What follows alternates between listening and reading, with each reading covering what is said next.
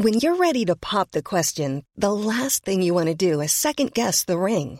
At Bluenile.com, you can design a one of a kind ring with the ease and convenience of shopping online. Choose your diamond and setting. When you find the one, you'll get it delivered right to your door. Go to Bluenile.com and use promo code LISTEN to get $50 off your purchase of $500 or more. That's code LISTEN at Bluenile.com for $50 off your purchase. Bluenile.com code LISTEN. Hey there, it's Michelle Norris. I'm host of a podcast called Your Mama's Kitchen. When I travel, I'm usually looking for a way to find a taste of home when I'm not at home. And one of the things I love to do when I am at home is entertain. And Airbnb allows me to do that. When I was in California recently, I rented a house that had a great kitchen. And when we were sitting around the table, we were all thinking, we're in someone else's house. Someone could be in all of our homes as well. If you have a home, but you're not always at home, you have an Airbnb. Your home might be worth more than you think. Find out how much at airbnb.com/slash host. Hey, I'm Ryan Reynolds. Recently, I asked Mint Mobile's legal team if big wireless companies are allowed to raise prices due to inflation. They said yes. And then when I asked if raising prices technically violates those onerous two year contracts, they said, What the f are you talking about, you insane Hollywood ass?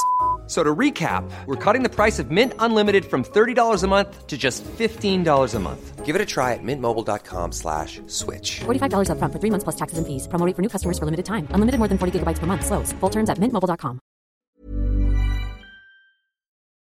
Dette er en podkast fra Liverpool supporterklubb Norge.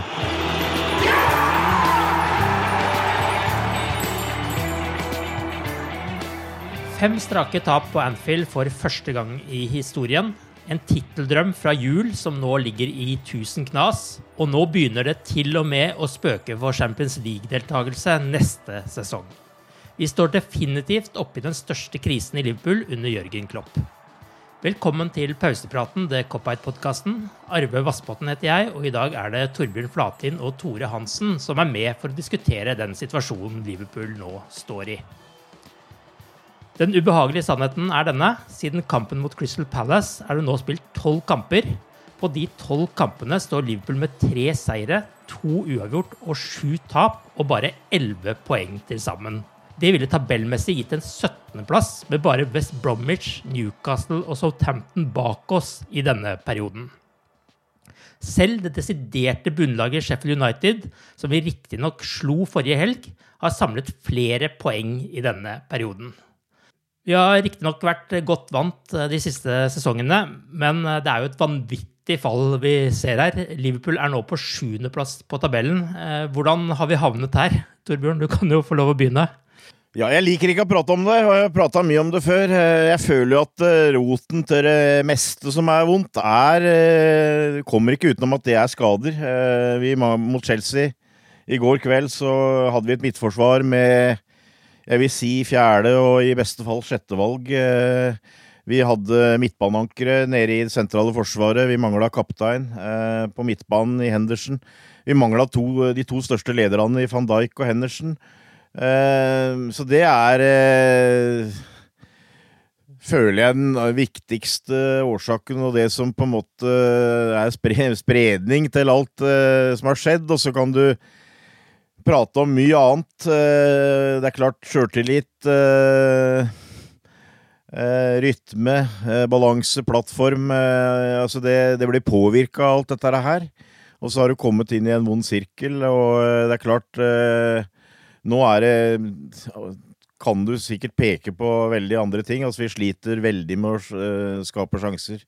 Men, men i, i, i bånn her så føler jeg at vi har ikke greid å takle at vi har hatt så mye folk ute, og eh, eh,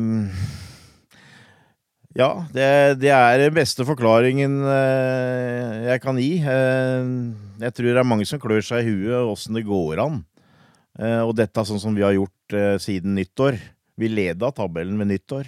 Men, eh, men, men det er det jeg eh, sånn umiddelbart eh, me mener er, er hovedårsaken. Og så håper du vel kanskje at de mentale monstra skulle reise seg igjen, og at vi skulle virkelig stå sammen. Og jeg hadde kanskje en sånn liten tanke for eksempel nå, at alle de problemene vi har hatt For det har jo vært kommet eh, lassevis med negative ting her, men altså at uh, mora til Klopp går bort, uh, faren til uh, Alison At det også skulle bidra til at klubben sto sammen, laget sto sammen. Nå går vi ut og slåss. men det er når ikke sjøltilliten er der, når ikke trua er der, så, så er det vanskelig. Og vi det, det blir stadig prata om at den siste pasningen er der. Eh, det er mye nesten. Men det er litt typisk eh, når du ikke har eh, trua, altså når det ikke er flyt. altså Da kommer du gjerne Da reagerer du reagerer på det som skjer, ikke før det som skjer. Så jeg har ikke noe veldig bedre oppsummering på det, altså. Men for meg så er fortsatt det at vi, vi har de tre senior midtstopperne skada, er, er, roten til det meste som er gærent her. Hvordan ser du på det, Tore? Ja, Det er jo lett å være enig i det, for det er iallfall det jeg sjøl sitter og, og, tenker på når jeg ser kampene. Altså Det du føler altså Du har dette med sjøltilliten. Du har dette med du, Vi har ikke trua eh, lenger, eh, og spesielt ikke når vi får mål imot. Og det ser du jo på de siste si, viktige 20 minuttene av kampene når du jager en skåring. Så så er vi ikke der. Vi, vi gjør ikke de rette tingene. Vi, vi gjør ikke nok. Uh, ja, det er en sånn der uh, Det blir spredd en sånn følelse hos uh, alle og enhver som er involvert, at nesten, du føler at nesten uansett hva de prøver på, så vil de ikke lykkes. Og, og det, det, er jo egentlig det som òg skjer, men det er klart å begynne den tanken i hodet, og stadig hos flere og flere, så blir det òg verre og verre å utføre det. For en snakker om, om uh, mentality monsters, men du blir ikke Det er ikke en av og på-knapp, det er noe som bygges opp i det. Og det, det er noe som uh, vi så vi fikk etter hvert som vi begynte å bli veldig gode som lag, som en sterk fellesskap, eh, lang seiersrekke. Og når du i den seiersrekka, når du står eh, i den flytsona og får motgang og kommer under 1-0, som vi ofte gjorde i, i, fjor, og for så vidt òg faktisk i høst, så har den likevel den trua og, og, og nok til å, til å, snu det. Men det, det er helt borte nå. Der har vi ikke sjans'. Eh, det er nesten sånn du kan si så sterkt at kommer vi et mål under, så er vi ferdige. Og det, det vi mm. sett i altfor for, um, alt for mange kamper nå. For å si det veldig enkelt, du følte det var en periode det var ett bål du måtte slukke. Det var ett problem vi sleit med. Men nå føler en på et vis liksom at det er problem nesten over hele rekka. Eh, altså det, er, fått spredt seg eh, sånn at eh, hele laget er Du føler du er på felgen. Og at vi, vi setter negativ rekord som, som, klubben aldri har opplevd før, på nesten 130 år, det oppsummerer jo dessverre veldig godt hvor vi står akkurat nå. Det er jo noe med selvtillit at eh, det er noe som tar veldig lang tid å bygge opp, men eh, er veldig raskt å bryte ned også. Eh, torsdag var Chelsea motstander på Anfield, og det ble jo et nytt tap, da, denne gangen med 1-0. Og så tar det altså 85 minutter før Liverpool får sin første avslutning på mål. Men selv da så blir det jo ikke en skikkelig sluttspurt, slik som vi er vant med, og det mangler litt den aggressiviteten man man er vant med å se topplag som skal jage en utligning, har. Men vil dere, hvordan vil dere oppsummere det dere fikk se i den eh, kampen her, da? Altså, jeg, jeg, oppfatter det som at uh, Liverpool uh, gikk ut uh, offensive i huet, vil jeg si, til den kampen der. Mm. De, de, prøvde. Jeg, jeg, jeg, tror, jeg, tror, ikke det var noe feil med innstillinga. Uh, og de ønska å angripe Chelsea, og uh, igjen så var det det som vi prater om, at det var liksom nære på. Altså det, det, blir veldig mye Det blir lagt vekt på veldig mye at det er ett skudd på mål og sånt, men jeg syns det var en del situasjoner, i hvert fall før Chelsea scora, hvor, hvor, hvor, du satt med følelsen at det, dette var nesten. Mm. Men samtidig så hadde du følelsen av at vi var sårbare hele tida bakover også. Det, det, var liksom litt sånn på, på knivseggen, og Jeg syns jo det er trist å se på vår manager etterpå, for det er helt tydelig. Og, og mitt eget, hva skal jeg si, min egen sinnsstemning etter kampen var at jeg var ikke forbanna. For jeg følte de prøvde. Dessverre så var det bare ikke godt nok. Og helt, mm. helt ærlig så mener jeg at Chelsea så ut som det beste laget i den kampen der. Eh, og eh, når du ser Jørgen Klopp eh, etterpå, så Han veit ikke hva han skal si, rett og slett. Sånn føler jeg det. Han er oppgitt. Eh, han føler han har gjort alt. Eh, det funker ikke. Vi er med en god stund, men eh, til lenger kampen går, til mindre får du tro på at vi skal score et mål. Jeg satt vel egentlig aldri med følelsen at dette her greier vi å snu når, når Chelsea hadde scora. Det er klart, uh, Jürgen er leder for ei prestasjonsgruppe, så han må også tenke litt sånn uh, taktisk. Prøve at uh, her kan vi ikke gi opp, her må vi være litt positive. Men for å være helt ærlig, en del av det han kom med etter den kampen, der var rein svada, etter min mening. Altså, han konkluderte med kampen med at det var en jevn kamp hvor det ble avgjort av en enkeltmannsprestasjon. Det syns jeg er helt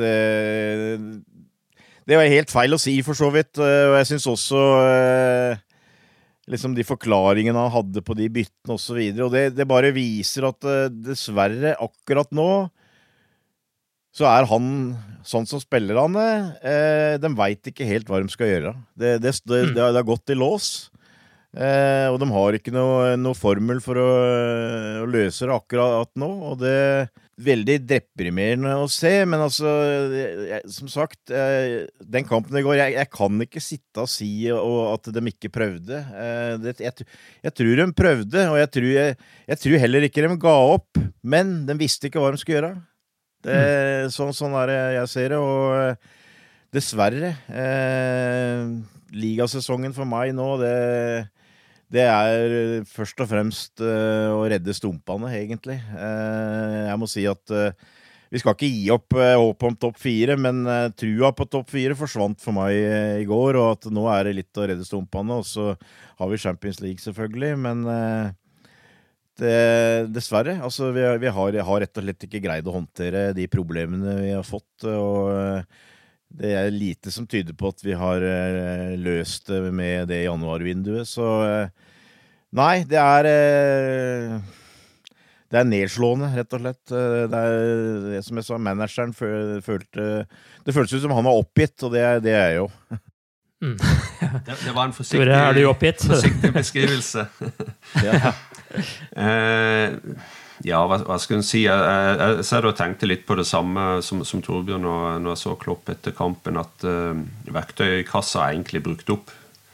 Uh, er, det meste er prøvd, det, meste er vurdert, det meste er snakka om. Og, men til syvende og sist og vi og Torbjørn liker jo gjerne å, snakke litt om hvordan det var før i tida, og gjerne når Liverpool var ekstremt gode, da, 70-80-tallet. På den tida så var det òg sesonger hvor uh, de var helt ute. Uh, og en av de sesongene, 80-81, 81-82, så hadde de, var laget litt i sånn fornyelse. og og, og, og, den ene sesongen så ble vi 80-81 så ble vi vel nummer fem i ligaen. Andre sesongen så lå vi håpløst bak og, og klarte å snu det. men det det, poenget mitt er at til syvende og sist faller ned på at du kan gjøre så og så mye på trening. Du kan gjøre så og så mye på forberedelse. Du kan forsøke å si noe veldig lurt uh, i garderoben før kampen. Du kan legge opp en bra taktikk. Men til syvende og sist så handler det om spillerne sjøl. Det handler om å ta ansvar. Det handler om å, uh, å, å stå sammen og være sterke nok både i hodet og kroppen holdt på å si, til, til, å gjøre det som en må gjøre for å, for å vinne kamper. Og det er lett å forklare, syns jeg, at vi ikke kjemper om ligagullet. Men jeg syns det er vanskelig å forklare hvorfor vi nå er i en posisjon hvor vi kjemper om å bli i beste fall topp fire.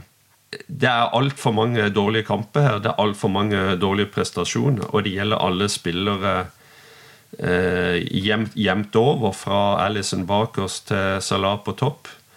Eh, det er for lang kamprekke med for svak eh, hva skal jeg si, utførelse Det som gjør, rett og slett gjør det som må, må til for å, for å, løfte laget, for å løfte deg sjøl, for å eh, vinne nok kamper til å iallfall bli topp fire. Og det er det som er sjokkerende, den biten der, og at det er altså den A-knappen som kom i slutten av desember, begynnelsen av januar, som ikke vi klarte å å få i rett posisjon igjen. Jeg har aldri, tror jeg, opplevd et Liverpool-lag som har gått fra å lede ligaen til å være nummer sju på tabellen. Det fallet der tror jeg aldri har opplevd før som, som Liverpool-supporter. Men det er jo helt åpenbart, dette er jo en krise. ikke sant? Og Du snakker om fornyelse her, og så snakka Torbjørn om eh, mangelen på ledere på banen. og Alt dette har jo litt å si. Men så har vi jo da altså en situasjon hvor man da står uten tre av sine aller beste midtstoppere. Og så er det et januarvindu hvor det ikke skjer noen ting før siste dag, og du får inn to nye spillere. Og så blir man egentlig glad for at det skjer noe, at du får inn noe, og så er det den tanken da Er det godt nok, det som har kommet inn? Vi har jo helt sikkert vært innom dette før, men jeg syns jo det blir mer aktuelt for hver eh, kamp som går her. Har eierne gjort nok til å hjelpe til i den krisa man faktisk eh, står i nå, og klart å se langtidskonsekvensene av å ikke hente inn bedre midtstoppere i dette vinduet?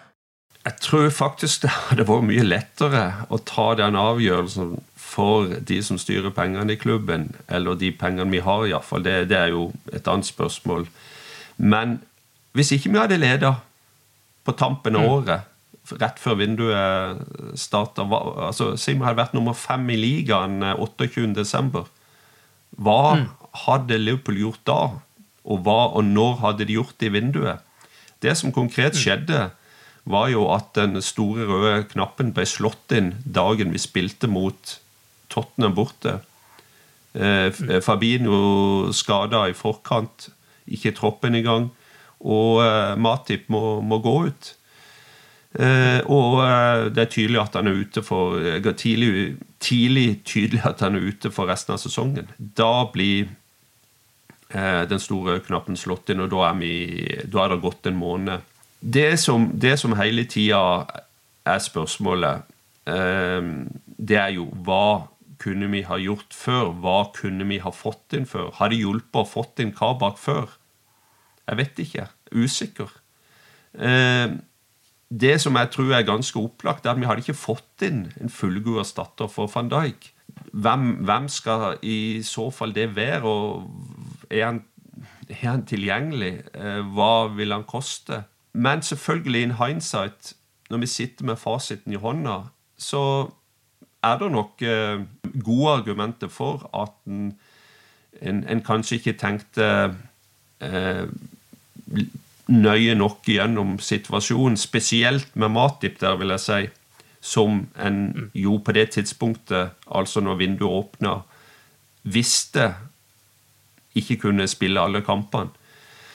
Så det er garantert et element der som vil bli analysert i ettertid. Og en hadde jo Jørgen Klopp sin eh, utblåsning, eh, iallfall for å si det snilt, om situasjonen, som eh, ble lagt merke til på, i slutten av januar. Og det har vært eh, garantert diskusjoner på kammerset der, både før og, og etter. Så ja, eh, det kunne ha blitt håndtert bedre, men det blir allikevel litt for enkelt å tro at, at vi 1. januar og 2. januar kunne hatt en, en, en verdensstjerne på plass som, som stopper. Jeg vet iallfall ikke hvem den spilleren eventuelt skulle, skulle ha vært, men det kunne ha blitt gjort noe før her, helt sikkert.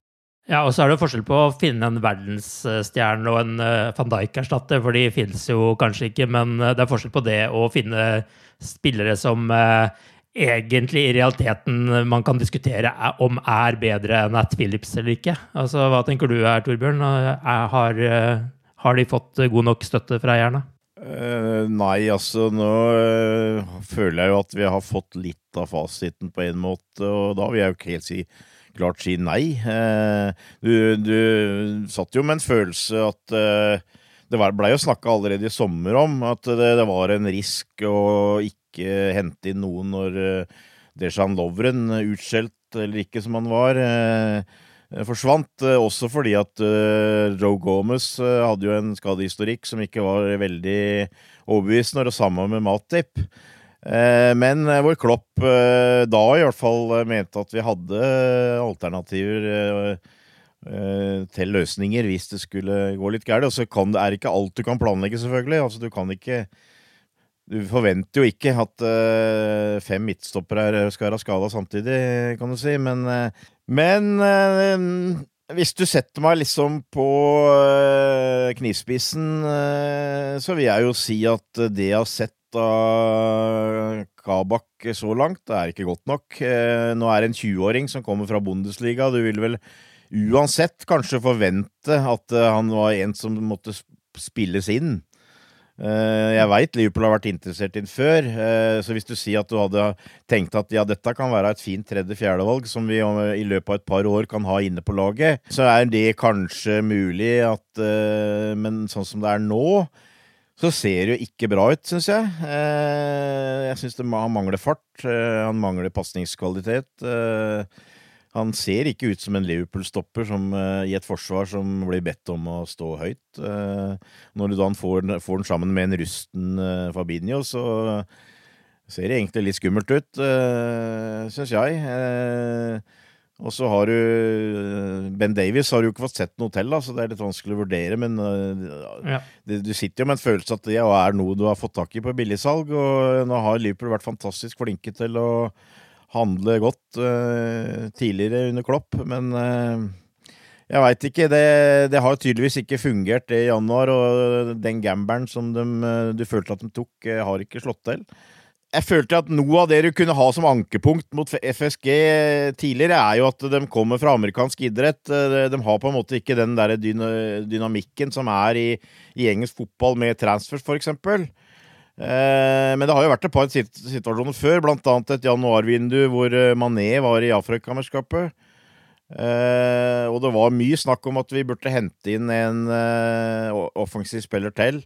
Og det var også en sesong i 2016-17 hvor det gjaldt å komme med topp fire. Men den gangen greide vi det akkurat. Så at Klopp, jo, Klopp, og hans menn har jo løst dette her Eh, veldig bra tidligere, men nå, nå, kom det liksom en eh, Nå blei det på en måte for mye, føler jeg. Da greide vi ikke å løse det. Så eh, det blir mye sånn sirkling rundt grøten, kanskje, men det, det, er jo i det, det, Du frykter jo liksom innspurten her, føler jeg også, med de eh, mulige Altså, Klopp har jo for meg har han veldig få muligheter i det midt, midtforsvaret. Altså, hva skal han gjøre? Eh, det tror jeg han tenker veldig mye på sjøl. Han har helt sikkert veldig lyst til å sette fram Fabinho, f.eks., men eh, det, det, er jo ikke tillitvekkende, det, det, som er alternativer der, føler jeg. Så eh, nei, der vi, vi, har, vi har trukket det feil lodd der, på en måte. altså. Ja, fordi det er jo noe sånn, Vi har jo ikke sett Ben Davies, og i all rettferdighetens navn skal vi ikke dømme han ennå. men eh, Og Kabak kan for all del bli en toppspiller, men, men, det er noe med hva var det Liverpool trengte akkurat nå? Og det er jo litt der jeg føler problemet ligger. at du, ja.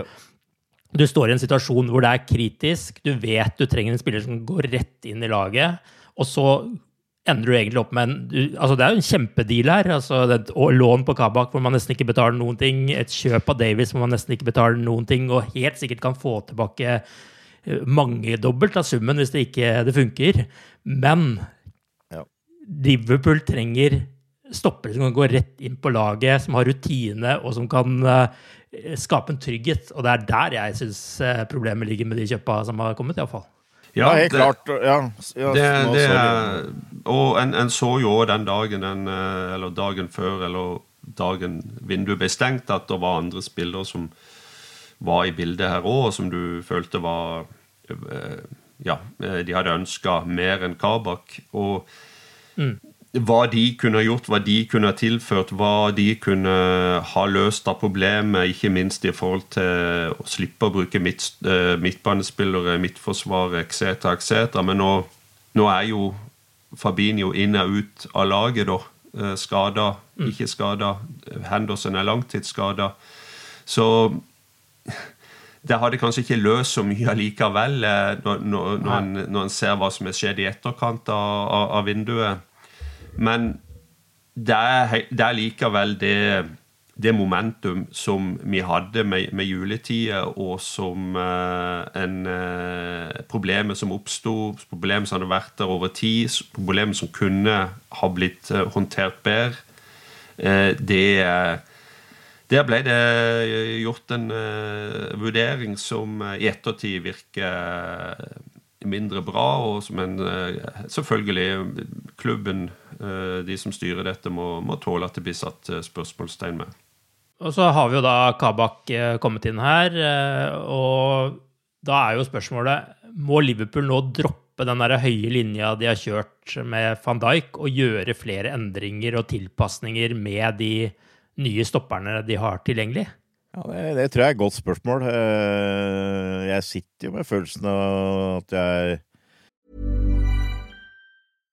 Hey, I'm Ryan Reynolds. At Mint Mobile, we like to do the opposite of what Big Wireless does. They charge you a lot, we charge you a little. So naturally, when they announced they'd be raising their prices due to inflation, we decided to deflate our prices due to not hating you. That's right. We're cutting the price of Mint Unlimited from $30 a month to just $15 a month. Give it a try at mintmobile.com slash switch. $45 upfront for three months plus taxes and fees. Promote for new customers for limited time. Unlimited more than 40 gigabytes per month. Slows. Full terms at mintmobile.com. Hey there, it's Michelle Norris. I'm host of a podcast called Your Mama's Kitchen. When I travel, I'm usually looking for a way to find a taste of home when I'm not at home. And one of the things I love to do when I am at home is entertain. And Airbnb allows me to do that. When I was in California recently, I rented a house that had a great kitchen. And when we were sitting around the table, we we're all thinking, we're in someone else's house. Someone could be in all of our homes as well. If you have a home, but you're not always at home, you have an Airbnb. Your home might be worth more than you think. Find out how much at airbnb.com/slash host. Burrow is a furniture company known for timeless design and thoughtful construction and free shipping, and that extends to their outdoor collection. Their outdoor furniture is built to withstand the elements, featuring rust-proof stainless steel hardware, weather-ready teak, and quick-dry foam cushions. For Memorial Day, get 15% off your Burrow purchase at burrow.com slash ACAST and up to 25% off outdoor. That's up to 25% off outdoor furniture at burrow.com slash ACAST. Millions of people have lost weight with personalized plans from Noom, like Evan, who can't stand salads and still lost 50 pounds. Salads generally for most people are the easy button, right? For me, that wasn't an option. I never really was a salad guy. That's just not who I am. But Noom worked for me. Get your personalized plan today at Noom.com. Real Noom user compensated to provide their story. In four weeks, the typical Noom user can expect to lose one to two pounds per week. Individual results may vary. Hey, Dave. Yeah, Randy. Since we founded Bombus, we've always said our socks, underwear, and t shirts are super soft. Any new ideas? Maybe sublimely soft. Or disgustingly cozy. Wait, what? I got it. Bombus. Absurdly comfortable essentials for yourself and for those facing homelessness. Because one purchased equals one donated. Wow, did we just write an ad? Yes. Bombas. Big comfort for everyone. Go to bombas.com slash ACAST and use code ACAST for 20% off your first purchase. Uh, Syns det høres ut som en bra løsning, uh, egentlig. Altså, men uh, jeg, jeg, føler Klopp uh, har prøvd å gjøre noe de siste par kampene. Jeg syns han har uh, forandra litt. Han har kjørt Vinaldum og Tiago som såkalt sittende midtbanespillere. Og så har han gitt Curtis Strones litt sånn mer offensiv, friere rolle, føler jeg. han har kjørt Mané litt mer inn i midten, mens mens uh, Masala har uh, nesten spilt wing, uh, rein wing, de, siste, de, to kampene. Det, det funka bra mot Sheffield United, men den fikk en hardere motstand mot Chelsea, og da, da funka det ikke så bra igjen. Så, jeg, så jeg, jeg, jeg, sitter med en kjenning av at han har prøvd å gjøre noe med det. Mm. Men ja, altså jeg Jeg er ikke imponert over Kabak. Det er godt mulig at han både fortjener og, og eh, kan på en måte løse det ved at han får tid eh, til, dette her, men eh, Jeg, jeg syns jo Nathaniel Phillips har gjort såpass bra at han egentlig hadde fortjent å spille nå, ja, istedenfor Kabak. Og, og, og, og da hadde det kanskje vært enda mer behov for å ligge litt lavere. Eh, fordi at Philips er en, enda bedre, syns jeg, i, eh, i duellene inn i feltet. Der syns jeg han er eh, veldig bra. Eh, og at du, du da ligger litt lavere og eh, på en måte det blir, det blir kanskje større avstander i laget, men at du overlater litt til de der eh, fremover på banen og, og, og ordne opp sjæl, for å si det sånn. Men eh, det, det er klart, det, er ikke helt i eh, Klopps eh, DNA, så at eh, Og det er jo du sitter og føler seg at her, her er en klopp her, er en plan B, plan A. Men du leiter fælt etter plan B. Vi, vi har riktignok Origi på benken, men det er liksom ingen ingen annen type du kan sette inn, føler jeg. Nei, så det, det er veldig vanskelig å, å svare på. Så det, det men, eh, men det er godt mulig at det er én tanke, at du, du eh, passer på å ikke stå så langt. Og jeg sitter jo med en sånn liten feeling av at også bekkene må jo tenke seg om to ganger nå, altså på grunn av at det er dårligere Eh, liksom det, det- er mye, mye farligere med bakrom og greier, at det må passe litt på. Og, og der ser du ikke minst følgene av at du ikke har eh, Fabinho og Henderson på midtbanen. For dem hadde eh, tatt en råspurt for å dekke opp hvis det var en eller annen som kom i feil posisjon, eller det kom et løp eh, bakfra, etter en sånn, ikke sant? De hadde gått inn og eh, dekka opp for bekken, de hadde gått inn og dekka opp for en midtstopper. Eh, 100 eh, ærlige spillere med, med mye med mye defensiv eh, tanke i kroppen. Så eh, ja, det er, eh, det er en sånn litt uh, vond sirkel her nå, altså. Jeg syns òg det, det som Vi snakka litt om, om, om rytmen og spillet vårt og, og litt sånt. Og det den kampen som jeg syns minner best om hvordan egentlig vi har spilt de siste årene, det, det var bortekampen uh, i Champions League nå mot, uh, mot Leipzig. Og, og der har du spillere som er på løp, som får langballer. Vi kan eh, utfordre når eh, motstandere er i ubalanse. Vi kan, eh, vi kan kontre. Eh, Vi kan utnytte bakrom, alt det der, og det ser vi altfor, altfor, altfor sjeldent i dag. og eh, Det blir for mye mot etablert forsvar, det blir for stillestående, det blir for lite oppfinnsomt, det er mye vanskeligere. Og, og der eh, syns jeg òg f.eks. Eh, en del spillere eh, har eh, rett og slett styrken sin. Eh, vår, Salah altså Nå fikk han sist ballen i beina. Går mot bekken og bare lett glir forbi. Jeg kan ikke huske det. Eh, og, men det er heller ikke egentlig der eh, Mohammed Salah er best. Det er ikke, det er ikke der han har blitt eh, Liverpools toppskårer disse sesongene av, det. det. Det er mer eh, Mané sin ting, eller jeg tenker John Barnes sånn som han var, var før i tida, at eh, det var bare Du følte at det var bare et skritt til side, så var han forbi, liksom. Men, men sånn er han ikke. Og han er, han er avhengig av de rette ballene. Han må ha de rette situasjonene for å utnytte eh, hans styrker på best mulig måte. Det får han altfor alt for sjeldent. Det blir for mye stakkato, og det blir for mye like kamper her nå. Det leder jo veldig elegant over på neste spørsmål, eh, og det handler om det 62. spilleminuttet i går, hvor det sto 1-0 til Chelsea, og Liverpool skulle jakte scoring. Endelig så fikk vi Diego Shota tilbake i eh, laget, og forhåpentligvis skulle han gjøre en forskjell, men ut gikk da Mohammed Salah, Premier Leagues toppskårer.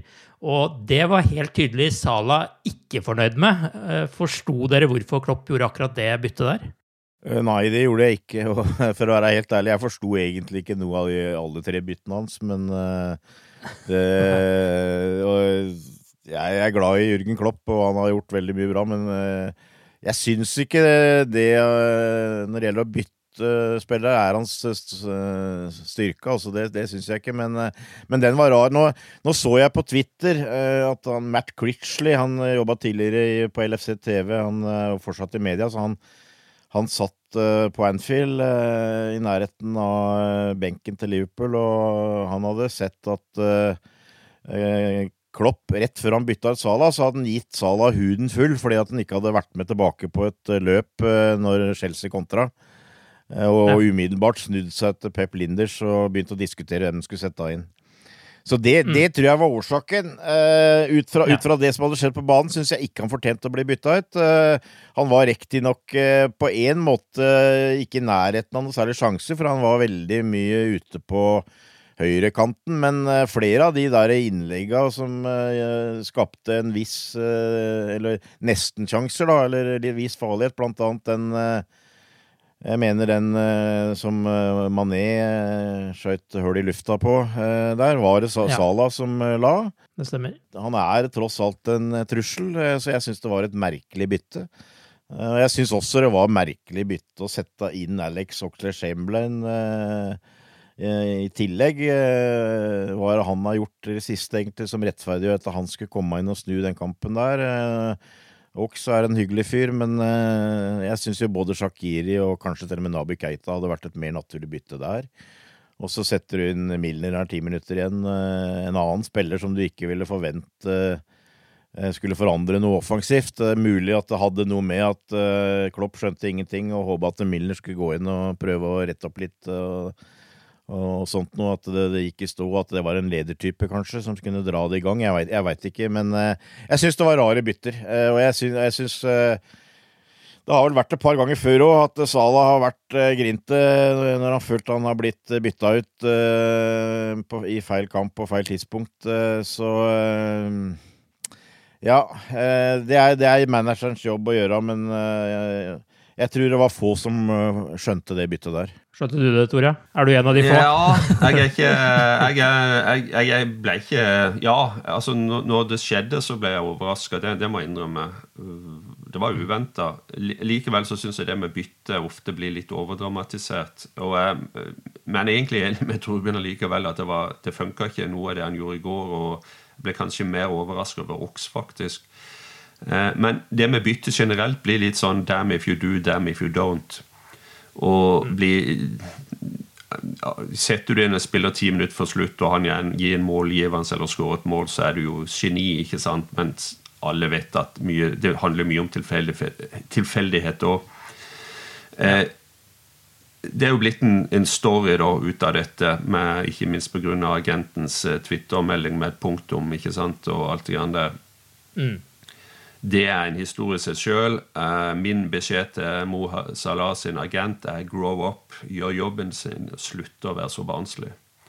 Men når det gjelder eh, Salah Den kamprekka de, Jeg vet ikke hvor mange minutter han har spilt av de hjemmekampene vi har tapt. Den dårligste statistikken vi har hatt på Anfield i mange år, men han har spilt de fleste av de minuttene. Så at han òg må tåle å bli bytta ut ja, det gjør han. Det, det, det er helt opplagt. Um, så, så der er så, sånn, er, sånn er fotball. Og det eneste som kanskje bekymrer meg, var når Jørgen Klopp ble spurt om det etter kamp, så virka han veldig sånn omtenksom og rådvill i blikket. og ja, Han sa vel til og med i samme setning at uh, når han begrunna hvorfor han hadde gjort bytte, at Klart det var jo andre spillere jeg kunne bytta ut, så jeg føler at det var en øyeblikksbeslutning, og kanskje muligens han angrer seg litt etter kamp. Jeg vet ikke. Ikke pga. mooden til, til Salah, ikke pga. agenten til Salah, men rett og slett pga. Sånn, som, sånn som det endte. Men samtidig så må det legges til at når Salah gikk ut, så gikk eh, Mané over på, på høyre, Yota inn eh, på venstre. Og du fikk gjort en del taktiske endringer. Det var, du kan si at det var et taktisk bytte. og som jeg sier, Salah har spilt de fleste av de minuttene vi har vært elendige. Vi har ikke skåret mål og alt sånt. Nå, så at han må ta sin uh, tur ut, det, det, det, det, må han tåle. Og kampen sto og vippa der. Eh, vi, vi, vi, setter tross alt inn Jota, og du, du, kan liksom ikke etter et par og seks minutter kaste alt inn og, du, og risikere å tape 2 og 3-0 hell. Du må ha en balanse der framme. Så mange vurderinger, og, men en ting som garantert vil bli huska av denne kampen, og garantert vil bli diskutert fra kampen. Men uh, ut ifra det dere sier nå, er, kan det liksom virke som det kanskje var litt sånn powerplay fra Klopp, dette her, da, å vise at eh, nå er det på tide å steppe opp alle sammen, liksom, og selv Sala, som er vår toppskårer, er ikke freda i dette her fra å gjøre jobben i den situasjonen vi står i nå? Altså, Er det det som skjer, at han på en måte tar en sånn øyeblikksbeslutning om at uh, det her finner jeg meg ikke i, nå skal han ut, og så blir det laga et eksempel av ham? Nei, liksom? det tror jeg ikke. Jeg tror ikke det, det, er på det, hva skal jeg si, det nivået, eller det er en sånn ekstra tanken som ligger bak. Jeg tror rett og slett at uh, han der og da følte at uh, han gjorde et bytte, og en del av den planen så er det at at, at Salah må, må, må ut. Han hadde hadde ikke noe Jeg har sett han dårligere, men og sett han mye, mye bedre. og han eh, Litt merkelig, selvfølgelig, og det, ja, klart det blir diskutert, han er toppskårer og alt det grann der, men uh, vi er ikke noe enmannslag, og han hadde ikke noe kjempekveld. Og som sagt, det ble, var flere ting som skjedde i forbindelse med det byttet i, i, i forhold til hvordan vi spilte, og hvem som spilte hvor. Så jeg tror det var en totalvurdering. Torbjørn, du har vært stille her nå, men ja, ja. Tore nevnte jo den Twitter-meldinga fra Salas agent der, eh, hvor han da rett etter byttet og hvor Salah satt og var frustrert, bare tvitra et punktum, noe som selvsagt da kan uh, utløse en del spekulasjoner, og har gjort det. Hvordan skal man tolke en slik reaksjon? Ligger det noe mer bak enn frustrasjonen fra agenten til, til Salah her? Det er litt vanskelig å si. Men altså, jeg, jeg sitter det, det, er jo noe av det som du Som i hvert fall ikke jeg eh, så for meg eh, kom til å skje dette året her. At nå, nå er det jo liksom litt sånn derre mumling om at nå må det skje en god del, god del ting til sommeren. Eh, nå trengs det en opprensk. Eh, vi, vi, trenger folk eh, inn og sånt. Og det, det var jo i hvert fall ikke noe jeg så for meg. Jeg følte at Klopp har jo bygd opp et lag det er riktignok en del spillere som er eh, rundt 30, så eh, det er klart eh, Litt sånn utskiftning kunne du se for deg, men det følte jeg vel egentlig også som prøvde litt i sommer med Yota, som er midt i 20-åra. og Tiago er ikke det, men allikevel uh, er det mulig at uh, f.eks. han uh, kunne ta over etter Vinaldum, som uh, det vel ikke er noe overraskelse om forsvinner her. Men men at det liksom uh, skulle, være altså mye uh, Mye mer enn det, det, det, det er liksom vanskelig å, det, det, var vanskelig å se for, for seg. Og det, er godt mulig at det fortsatt er litt sånn overdrevet, at det ikke er så store behov til sommeren likevel, når vi får får spillere tilbake, men altså, du sitter jo med en sånn der feeling av at jeg veit ikke. Eh, den, den, den, harmonien som var i, i troppen altså det, det, er noe du ikke liker å snakke om, men altså, vi var så vidt inne på det i stad, eh, om, eh, om, mentale monstre og greier. og eh, altså, vi vant Champions League i 2019. Da hadde vi det finaletapet året før i kroppen. Vi vant ligaen året etter. Da hadde vi en sølv, sølv, i Premier League året før med, med 97 poeng, som var ett poeng for lite. Altså, det var en sånn indre driv, føler jeg, i hele laget. Eh, og kanskje har vi ikke helt fått den indre driven av sesongen her, etter at vi vant Premier League. Jeg veit ikke. Det, jeg liker ikke å snakke om det, for det høres ikke bra ut, men i tillegg, altså når vi har hatt et par eh, litt store ledere ute, så har det vært, vært, veldig få som har tatt, eh, tatt det ansvaret. Eh, jeg trodde jo egentlig ikke at de der tre framme At det, dem ville på en måte blitt revet opp, for å si det. Jeg syns det var bra at vi fikk en Yota som en som kan utfordre og sånt noe, men nå begynner jeg jo å sitte med en følelse av at Eller altså, jeg jeg blir ikke veldig overraska hvis Mo Salah forsvinner til sommeren. Eh, jeg tror han er Altså, det er litt sånn fotballen er blitt, da. Eh, altså Jeg tror kanskje han er en type også som eh, kunne tenke seg å søke til eksempel en stor spansk klubb. Stor Eller Bayern, eller et eller annet sånt. Og for en siste utfordring, en siste skikkelig payday. Eh, mm. Muligens. Eh, jeg, jeg, ser, jeg, ser, ikke helt eh, bort, bort ifra det, altså. Og jeg er litt usikker på hvor mye du skal legge vekt i at han er litt grinete etter å ha blitt bytta ut og sånt, og det Det er nå så. Eh, det får han bare ta. Men, eh, men ja. Eh, kanskje, kanskje er det sånn. og kanskje er det er kanskje at det, nå, det er klart, eh, Klopp eh, han har snart vært i Liverpool i seks sesonger. Riktignok han starta litt ute i den første, da, men det, er, det er en god stund. Og, og, kanskje er det faktisk Hadde det ikke vært så dumt å, og casha inn på Sala og, og fått inn et, et, par nye spillere her som kunne freska opp litt. og fått litt uh, ny, ny giv, kanskje. Jeg, jeg veit ikke. Uh, jeg, jeg, føler at jeg står liksom uh, rabler litt rundt, rundt, omkring dette her. Men altså, jeg, jeg, tror ikke det blir noen sånn revolusjon til sommeren. Men jeg, ser for meg at det, det kan bli kanskje et stort salg. Det, det, det, kan jeg se for meg. Du diskuterer egentlig med deg sjøl, Torbjørn? Ja, ja.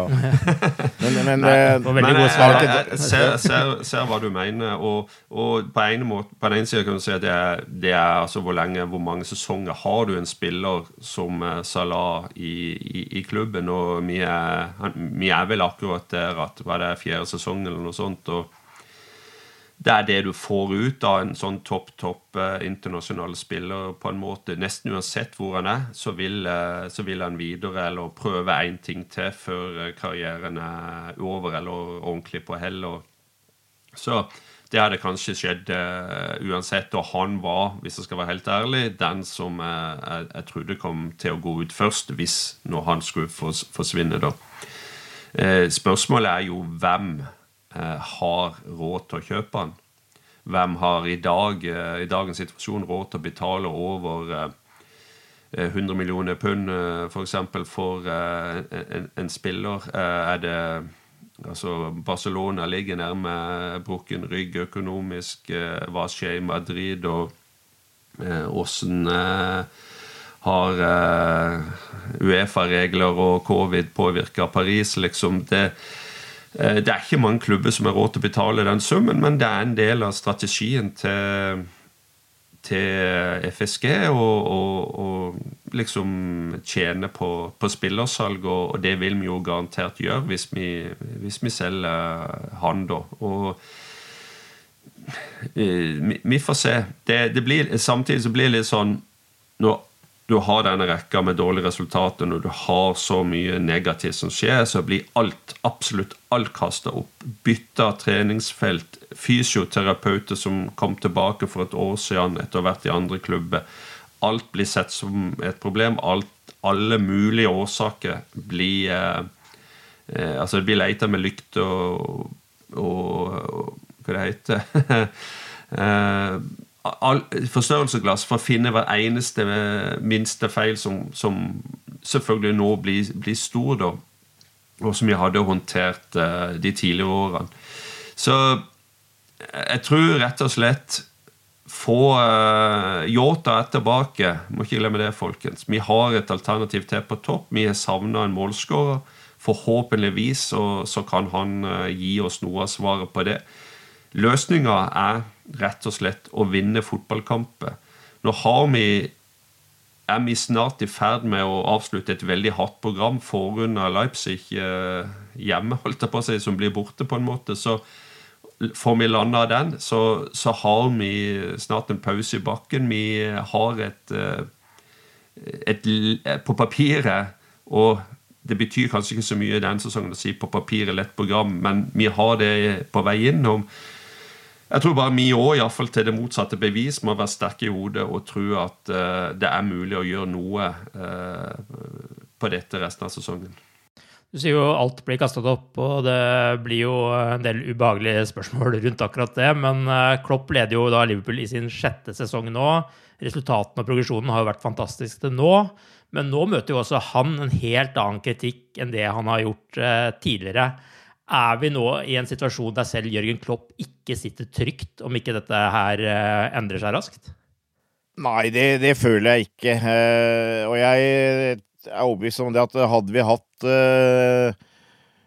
tilskuere på kampene, fans på kampene nå, så, så ville Anfield støtta Jørgen Klopp.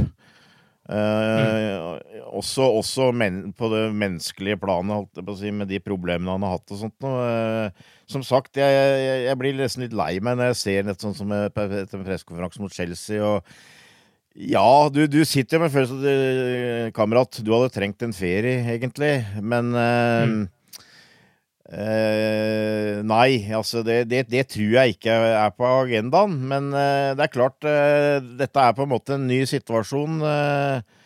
han har på en måte Han har utført kan du si det han kom for å gjøre med den måten at han fikk trua tilbake, og vi vant store titler, og vi har blitt ligamester igjen. Men nå er det som sagt den første krisa, og det ligger litt i lufta at han må begynne å tenke på at han kanskje må tenke aldri så lite på å, å prøve å skape et nytt storlag.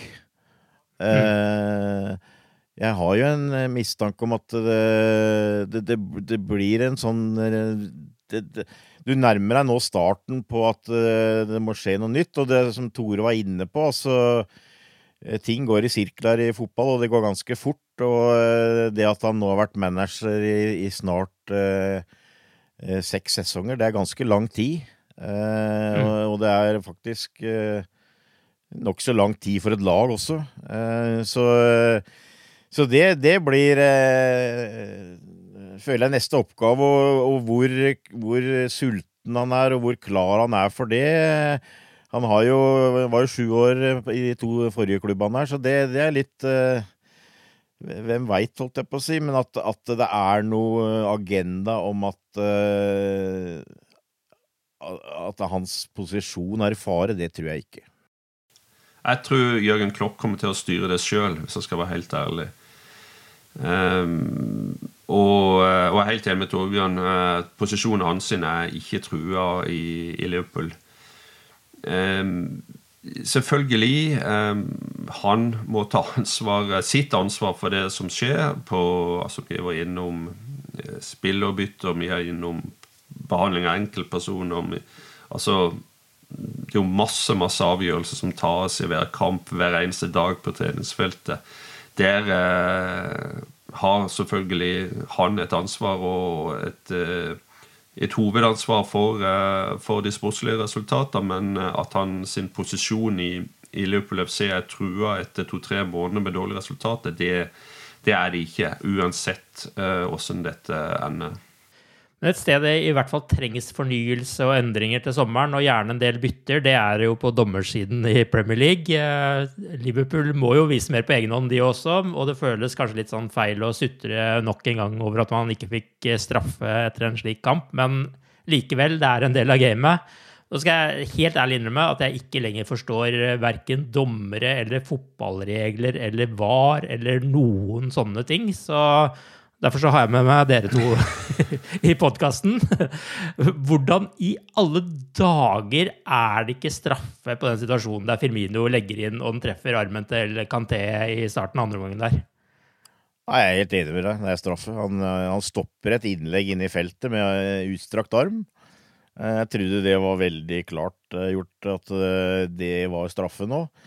Tidligere så var det vel en eller annen uh, slags vurdering om uh, avstand og, og, fart og sånt, men den trodde jeg egentlig var mer eller mindre tatt, uh, tatt bort, jeg.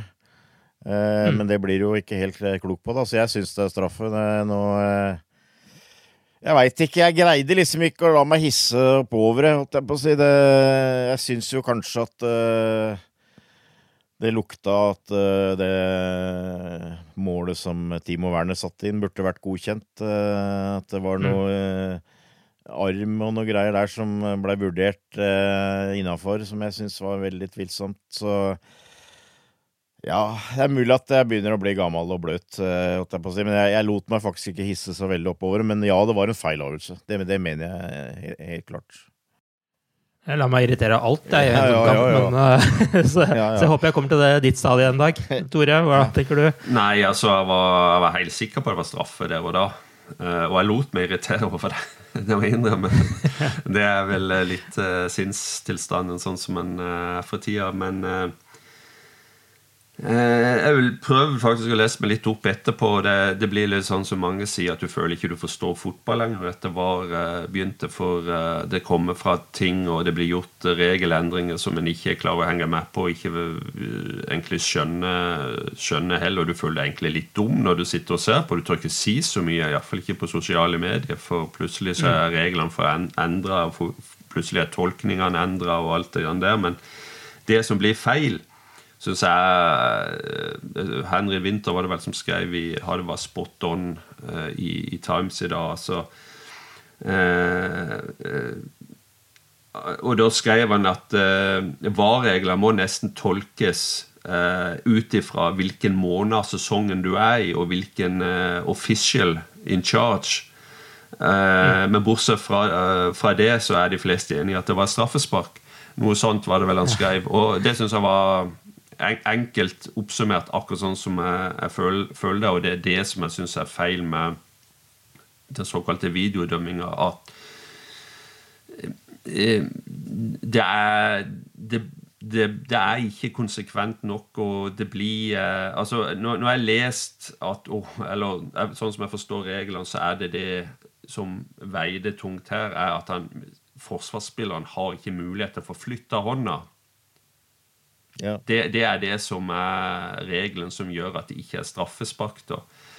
Og, og da er jo du kan, du kan si at re, regelen er jo da, da feil, altså, men, eh, og dommerne har gjort rett allikevel. Men, men samtidig så leser jeg også det at hvis dommerne hadde blåst straffe For det blir da, for, for nå, da faller det altså ned på en subjektiv vurdering hos dommeren. Altså Mm. VAR er ikke inne i bildet her. Eh, Men hadde dommeren dømt, så så han Dale Johnson sa at VAR antagelig hadde eh, ikke omgjort den straffa. Så hvor står du da, liksom? Ikke sant? Da har du på den ene sida Regelen er sånn at eh, hvis, hvis det vurderingen er at spilleren ikke har mulighet til å flytte hånda, uansett hvor langt ut han er i kroppen, så er det ikke straffe. Men hvis dommeren hadde dømt straffe, som var en vurdering dommeren måtte ta, en god gammeldags dommervurdering, måtte ta der og da, Mm. og han valgte da ikke så ja, uventa eh, eh, å ikke gi Liverpool straffe, som han sjelden gjør, så eh, så, så er det noe VAR ikke griper inn i. Og hadde, hadde han dømt straffe, så ville antagelig VAR heller ikke ha gripet inn. Så det er, det er veldig confusion og vanskelig å forstå, rett og slett. Og jeg tror egentlig ingen forstår det, og du har den situasjonen med, med Chelsea og disse millimeter eh, offsidene som, eh, som blir underkjent. og Det strider egentlig mot hva skal jeg si, rettsoppfatninga til fotballsupportere, og det er derfor det blir så mye støy rundt det. Og sort it out, rett og slett. Ja, og så er det noe med det altså, Man skal jo ikke prøve å late som man skjønner hvordan dommere tenker, men, men jeg mistenker jo også at en av grunnene til at det ikke blåses der, er jo også at man er usikker og bare regner med at VAR fikser det hvis man dømmer feil. Altså det, det er jo den følelsen man får noen ganger, og at uh, dommeren lar den gå fordi han regner med han kommer til å få en beskjed på øret hvis det var feil avgjørelse, og den, den bør gjøres om. Altså, så har du den derre altså, Han får ikke armen ut av posisjon, men, men se på det skuddet til um, Mount, da, som blir avgjørende. Der står jo flere av Liverpool-spillerne med hendene bak på ryggen for å ikke få, få hens. Er det da sånn at de kan lø... Altså, hvis de da er uh, to meter unna, da, skal de Ja. la være å ha hendene på ryggen, fordi at da kan de redde ballen? Liksom? Altså, Veldig godt spørsmål. Hva er den avstanden? Altså Hvis det er for close up, hva er den avstanden? Står det noe plass? Og sånn som Gomez mot, borte mot City, var det vel, som eh, har en arm i helt 100% naturlig posisjon. Han løper vel for å på en måte dekke et rom, og så kommer det et skudd, og den treffer en plass på armen. Og det er straffespark. Eh, der er du selvfølgelig litt den, eh, den avstanden igjen, men hadde, var det Han prøvde ikke å stoppe ballen. Ballen søkte ikke hånda. Hadde han da nok tid til å flytte armen? Dommeren mener ja. Men det blir igjen veldig veldig subjektivt, og det blir veldig veldig vanskelig. Og det er en, en ny endring på hands-regelen som vi har sett det siste året, som bare er med til å skape enda mer forvirring. For, for meg er, er dette, øh, dette er noe av kjernen med at dette her, her går helt i krøll. Altså, det er, virker som det er helt, helt umulig å få fastsatt noen retningslinjer som alle kan følge. Altså, jeg, jeg har sagt, og, og det er det mange som er uenig i, bare så det er klart, men altså, jeg har sagt at øh, prøv å få en, en regel hvor at hvis det er innlegg eller skudd inn i straffefeltet mot mål, og det treffer motstanders arm som ikke er foran eller inn til sida på kroppen, så døm straffespark. Vær konsekvent, døm straffespark. Glem det med tid og øh, vilje og alt det greiene Avstand der. og ja. Av, avstand. Eh, jeg, jeg tror ikke Kanté eh, ønska å hen, hense der. Men han hadde, hadde armen ut fra kroppen i en, i en situasjon hvor motstanderen legger inn. Og hvis du da tar noe med handa, så har du, har du brutt reglene.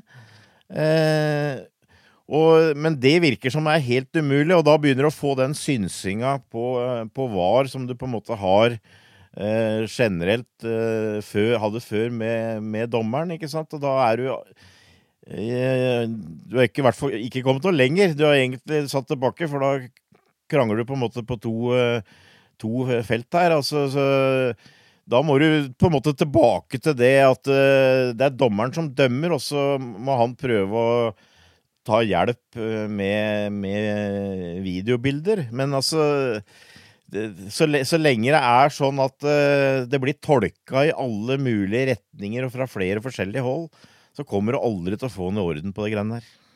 Vi får se om det kommer noen nye situasjoner nå til helga. Da er det altså kamp mot eh, Fulham på søndag. Eh, Hva tenker dere om den kampen nå? Hva, er det noen endringer dere vil se fra startoppstillingen som eh, var nå mot Chelsea? Ja, Det kasta en Yota, men eh, hvis han er klar, hvis han blir vurdert sterk nok, og bare begynt eh, med noe annet rett og slett for å eliminere den risikoen og komme et mål bak, sjøl mot Fulham, så Mm. Jeg hadde eh, forsøkt å gjøre noen endringer som involverte eh, Yota.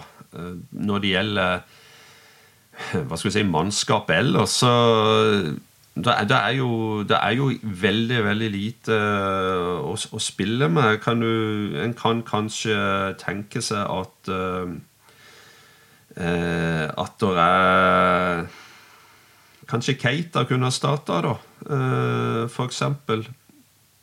Eh, litt usikker eh, hvordan den midtbanen skulle ha blitt sett eh, blitt seende ut. Men eh, men det, det er liksom Kanskje de der en, en mann på midten og, Yota på topp der. De tre på topp. får Få han inn der en plass og gjør noe vanskelige valg der, men rett og slett sette press på de som ikke har levert i disse kampene. Iallfall ikke skåret mål. eh, Få inn en mann som har skåret mål, få han i gang igjen. Eh, og Forsvaret blir jo litt sånn som det har vært de siste ukene og månedene. Whatever er, er fit, må antagelig spille der. Eh, altså Alison og, og, og Bekkan er jo sikre, da, så spørs det jo på Forsvaret. Spørs det om Fabinho eh, tåler en, en, en kamp til. Og så har du eh, midtuke eh, Champions League. Eh, så i, i tankene nå her Av og til så har Ja, og Phillips eh, var jo skada i går òg, så ja. Av og til så har du en følelse at eh, både Henderson og Fabinho er blitt kasta inn litt for tidlig. Og, og det er, er, er jo òg en liten sånn scary Mary her med om de, de kan Ja, du blir litt for overivrig med å få folk tilbake, og så holder de inn to, kanskje tre kamper, så er de ute igjen. Det, det nevnte jo forresten Klopp også i forhold til Matip, at han hadde jo spilt med småskala ganske lenge før han fikk den alvorlige skaden sin. Så det var jo helt tydelig at han også hadde blitt pressa til bristepunktet akkurat før det, det skjedde. Eh, Torbjørn, hva slags endringer ser du for deg? Nei, jeg er jo inne på mye av det samme som Tore. Det er det som er eh, kanskje også noe tungt. At du føler jo ikke at det har vært eh, tatt ut feil lag. Altså det, og, og, det er eh, Når du har liksom en håndfull ute, så er ikke all verden eh, med alternativer, eh, føler du. Jeg ville gjort eh, mer av det samme. Jeg ville satt inn Yota for Firminio. jeg tror også jeg ville satt inn Keita. Uh, jeg er ikke noe sånn der jeg, jeg, jeg, tror jeg ville rett og slett satt den inn for Vinaldum uh, og kjørt Keita og Tiago som de to litt bak på midtbanen, og, og latt Curtis Jones være foran der. Og fordi Keita og Tiago syns jeg tross alt er litt har litt mer potensial til å komme fram på løp og involvere seg i mål. Eh, jeg veit finalen de kan score òg, men eh, jeg, jeg, tror det. Altså, du må jo du må prøve noe her, føler jeg. er Litt viktig å prøve. og Keita og Yota bør jo være spillere her. altså Yota er for så vidt litt sånn sjølskreven, men Keita er jo en spiller som, du, som bør være sulten på å vise seg fram og, og, og kunne hevde seg, føler jeg. Hvis Phillips er klar, så vil jeg satt inn han òg, for Kabak. Mm. Ja. Kan ikke skjønne at vi har noe særlig å tape på det. Jeg syns han har vært eh, freskere, tross alt. Eh, og da, da, hadde du f.eks. fått tre bytter. Da følte du at du hadde gjort noe, kanskje fått litt eh, Blitt litt freshere, eh, et eller annet, altså. Men eh, det, det, går litt som vi har vært inne på. Så vi du må bare klamre deg til at uh, det har jo vært enkelte kamper uh, tidligere, som uh, Leicester for eksempel. Jeg syns for eksempel City var brukbart lenge, hvor vi, vi, har spilt bra i perioder. Men vi har, ikke, har liksom ikke greid å utnytte det, og så må vi håpe at vi kanskje får en Får en, gjerne en litt lucky break, får en scoring, får en seier, får litt sjøltillit, og, og, så tar det derfra. Altså. Men det tror jeg det, det, er noe av det som ikke minst plager Jørgen Klopp. At hva gjør vi? Altså, vi har prøvd det aller meste her nå, men det, vi kan selvfølgelig ikke gi opp. Vi må bare jobbe videre. Helt avslutningsvis, vi har jo brukt god tid her nå, men det er jo et moment Torbjørn nevner her med Kabak versus Phillips. Jeg må nesten høre hvor du står i den den uh, debatten også, Tore. Hvilken av de to uh, foretrekker du? Jeg, jeg, tenker litt motstander. Uh, hvis Philips hadde vært klar i går, så tror jeg likevel jeg har kjørt Kabak akkurat i den kampen. Spiller du mot mm. Vestbrom eller Sheffield United eller noe sånt, du, er det gode argumenter for å bruke Philips òg. Han, han syns han er en ærlig, 100% ærlig type. Står fram med brystkasta først, på en måte. Litt den type. Men han, han har òg Han er ikke så temposterk, han er ikke så god teknisk. Eh, eh, men han, har, eh, han er en sånn der, litt sånn der klassisk engelsk midtstoppertype og flink til å rydde opp.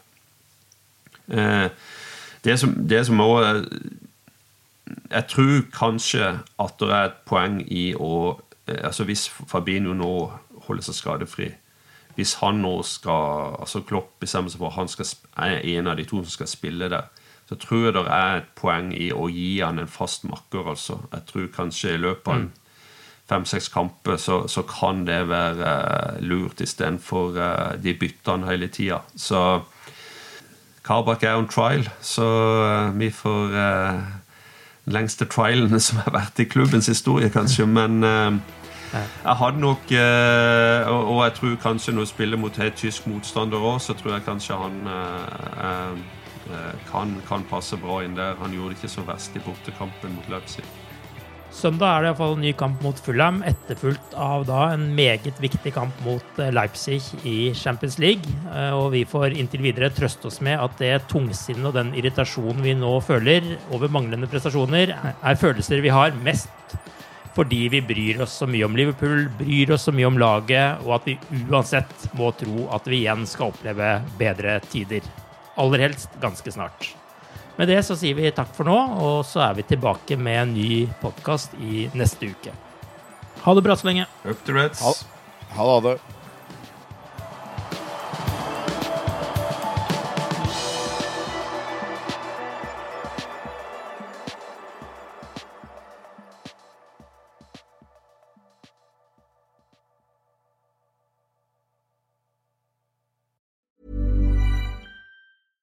Want flexibility? Take yoga. Want flexibility with your health insurance? Check out United Healthcare Insurance Plans. Underwritten by Golden Rule Insurance Company, they offer flexible, budget friendly medical, dental, and vision coverage that may be right for you. More at uh1.com.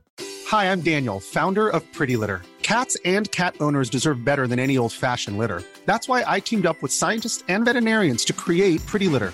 Its innovative crystal formula has superior odor control and weighs up to 80% less than clay litter. Pretty Litter even monitors health by changing colors to help detect early signs of potential illness. It's the world's smartest kitty litter. Go to prettylitter.com and use code ACAST for 20% off your first order and a free cat toy. Terms and conditions apply. See site for details. When you make decisions for your company, you look for the no brainers. And if you have a lot of mailing to do, stamps.com is the ultimate no brainer. It streamlines your processes to make your business more efficient, which makes you less busy. Mail checks, invoices, legal documents, and everything you need to keep your business running with Stamps.com. Seamlessly connect with every major marketplace and shopping cart. Schedule package pickups and see your cheapest and fastest shipping options from different carriers. With rates up to 89% off USPS and UPS rates. And with the Stamps.com mobile app, you can take care of mailing and shipping wherever you are. Make the same no-brainer decision as over 1 million other businesses with stamps.com. Sign up with code program for a 4-week trial plus free postage and a free digital scale. No long-term commitments or contracts. That's stamps.com. Code program.